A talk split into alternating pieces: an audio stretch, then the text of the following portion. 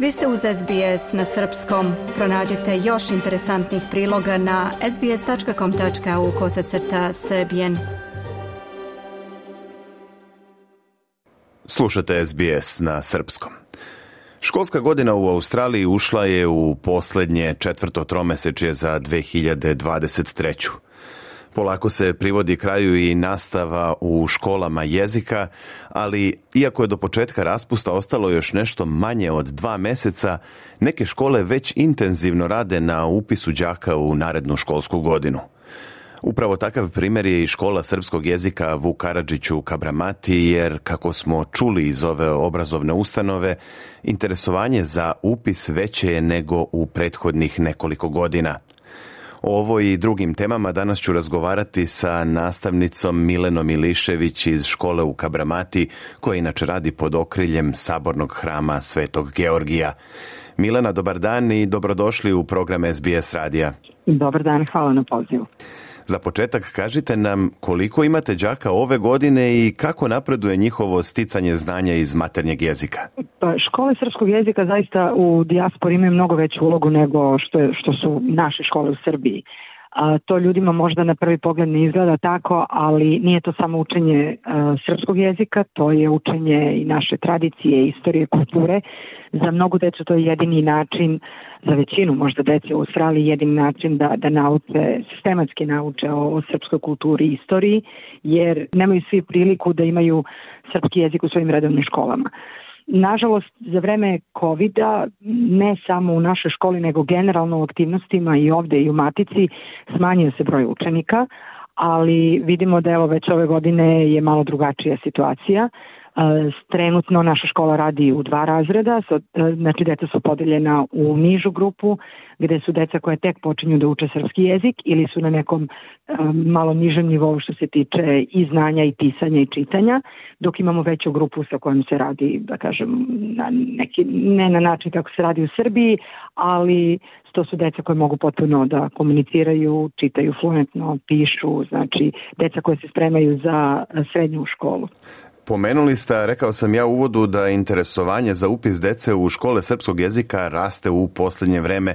Da li je upravo to razlog što ste već sada krenuli sa upisom za narednu godinu pre nego što je tekuća školska godina i završena? Uh, jeste, tako. Mislim da je, ve, da je vrlo važan razlog otvaranje granica, vraćanje aviona i sve ono kroz što smo svi prošli.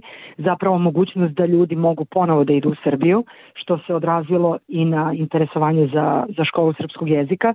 Svi znamo da do prošle godine se odlazilo na odmore, ali vrlo sa nekom rezervom i e, nije mnogo ljudi išlo zbog čitave situacije, dok ove godine potpuno druga situacija. Znači kad roditelji jednom shvate da deca mogu da odu u Srbiju, onda imaju mnogo veći motiv da deca nauče srpski jezik.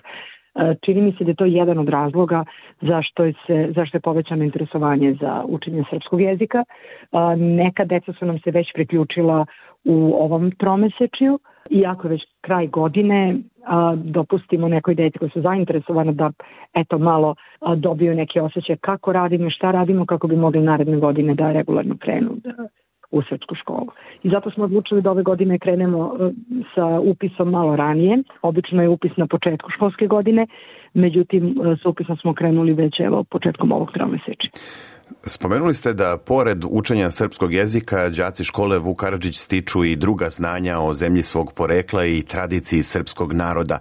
Šta je uključeno u tu nastavu i kako deca usvajaju to gradivo kojim ih učite?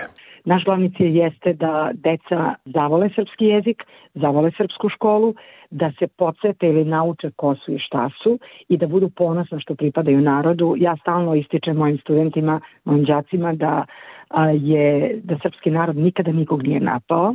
Mi smo svesni toga da oni rastu u okruženju koje je malo drugačije, gde mediji možda nekad ne predstavljaju ni našu zemlju, ni naš narod na način na koji bi trebalo. Pokušavamo da sa naše strane pokažemo šta je zapravo prava istina.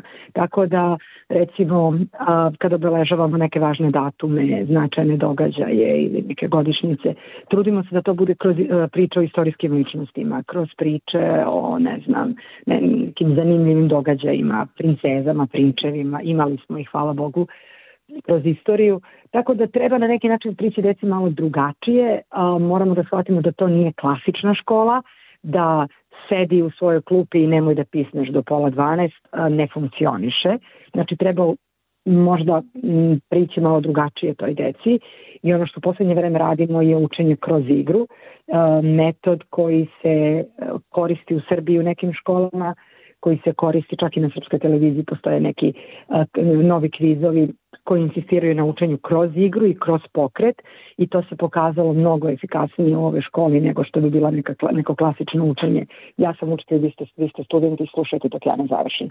Jednostavno, um, pogotovo što je ovo uh, škola u kojoj deca, dosta te deca nikad nije otišla u Srbiju, neki jesu, a nekima roditelji nikad nisu otišli e, u Srbiju, neka deca dolaze iz mešovitih brakova gde je samo jedan roditelj, Srbin ili Srpkinja. još jedan problem je što se deca susreću sa, u Australiji, pogotovo ovde na jako malom prostoru u zapadnom Sidniju, susreću sa velikim brojem dijalekata, što u Srbiji nije slučaj, vi ako odrastate u jednom kraju, imate književni jezik u školi, imate dijalekat koji se govori kod kuće. Ovde se deca susreću sa mnogo dijalekata u isto vreme i to predstavlja problem. I ako vi insistirate da se sve što deca dijalekatski izgovore u školi ispravi i prevede u književnu varijantu, izgubit ćete u povjerenje, izgubit ćete interesovanje. Stvari nije lako, mnogo je teže predavati srpski. Ja sam po osnovnom obrazovanju profesor srpskog, još kod nas u Srbiji. I mnogo je teže predavati srpski u dijaspori nego predavati srpski u Srbiji. Ali onog trenutka kad vam deca priđu i kažu učiteljice, mislim, tu sve prestaje zaista najveća titula koju, jedan ovaj, prostorni radnik može bar pomove da, da ima. Pojedine škole srpskog jezika u Australiji uključile su se u program koji je pokrenut na inicijativu ambasade Republike Srbije, a gde se dopunska nastava srpskog obavlja prema nastavnom planu Ministarstva prosvete Srbije. Da li je škola u kojoj vi radite imala kontakt sa ambasadom u vezi sa tim programom i postoji li možda plan da se priključite? Meni je to negde prošlo kroz ruke kao informacija, ali ne informacija koju smo zvanično dobili od ambasade. Nažalost, ambasada nas još nije kontaktirala, tako da nismo uključeni u taj program za sada. Milena, pošto se škola Vukarađić nalazi na zapadu Sidneja u Kabramati, da li primate samo decu koja prema mestu stanovanja gravitiraju kao ovom delu grada ili su vrata otvorena i za mališane iz drugih delova Sidneja? Ne, ne, naravno, nismo, nismo vezani za, za prostor, da tako kažem, imamo dece koje dolaze iz malo dalje, znači iz drugih delova Sidneja.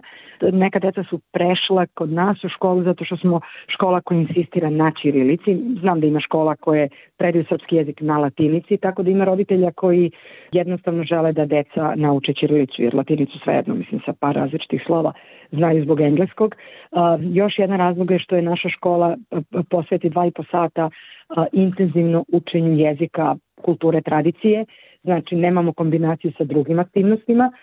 Veronauka se sprovodi kroz odlazak na službu, na kraju ovaj, nastave deca odlaze na službu u crkvu. Naravno, sveštenik proteđuro nam ovaj, se pridruži kad su veliki pravoslavni praznici u pitanju. Ponekad na početku nastave pre službe odvedemo decu u crkvu gde možemo da im pokažemo ikone, da ispričamo neke važne stvari kad crkva nije, nije puna naroda, znači kad, je, kad deca onda mogu drugačije malo da, da vide šta se dešava oko njih nego na samoj, na samoj službi. Dakle, postoji dosta razloga zašto deca čak iz drugih delova dolaze upravo u ovu školu. Škola je pod eh, eh, pokroviteljstvom Narodnog ministarstva prosvete u Australiji, znači radimo sve izveštaje šaljemo, šaljemo ministarstvu, tako da se na, naša deca prilično dobro pripremljena za srednjoškolsku nastavu, koja se u zapadnom Sidneju odvija ovaj, subotom, tako da mogu da nastave srpski jezik kao regularni predmet u srednjim školama jako dobre rezultate deca iz Kavrnate postižu. To nam je neki reper i neki, e, neki ovaj pokazatelj da ono što radimo zaista ima, ima efekt. Milena, istakao bih još jednu stvar. E, vi ste po obrazovanju doktor lingvistike i zaposleni ste na Univerzitetu Zapadnog Sidneja. E, da li postoji mogućnost da srpski jezik dobije svoju katedru na nekom od univerziteta u, u, u Sidneju ili bilo gde u Australiji u bliskoj budućnosti? Sad ste me dirnuli bolnu tačku. Na Makvoriju je bio svoje vremeno, prednim kod ja dođem u Australiju, bila katedra za srpski, nažalost zatvorena je iz raznih razloga.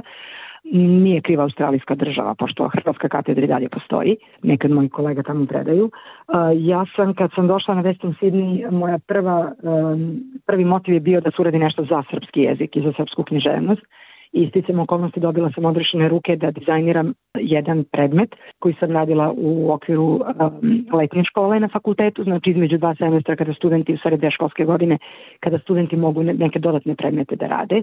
Um, meni je bukvalno rečeno, evo, od, odrešene ruke stavi srpski jezik književnost na koji god način hoće što je bio predmet koji se bavio uh, dvojezičnim pisima i jedna od književnosti koju sam, koju sam tamo pokrila bila je srpska književnost. To je bilo jako zanimljivo, uspešno, međutim to je samo bio izborni predmet.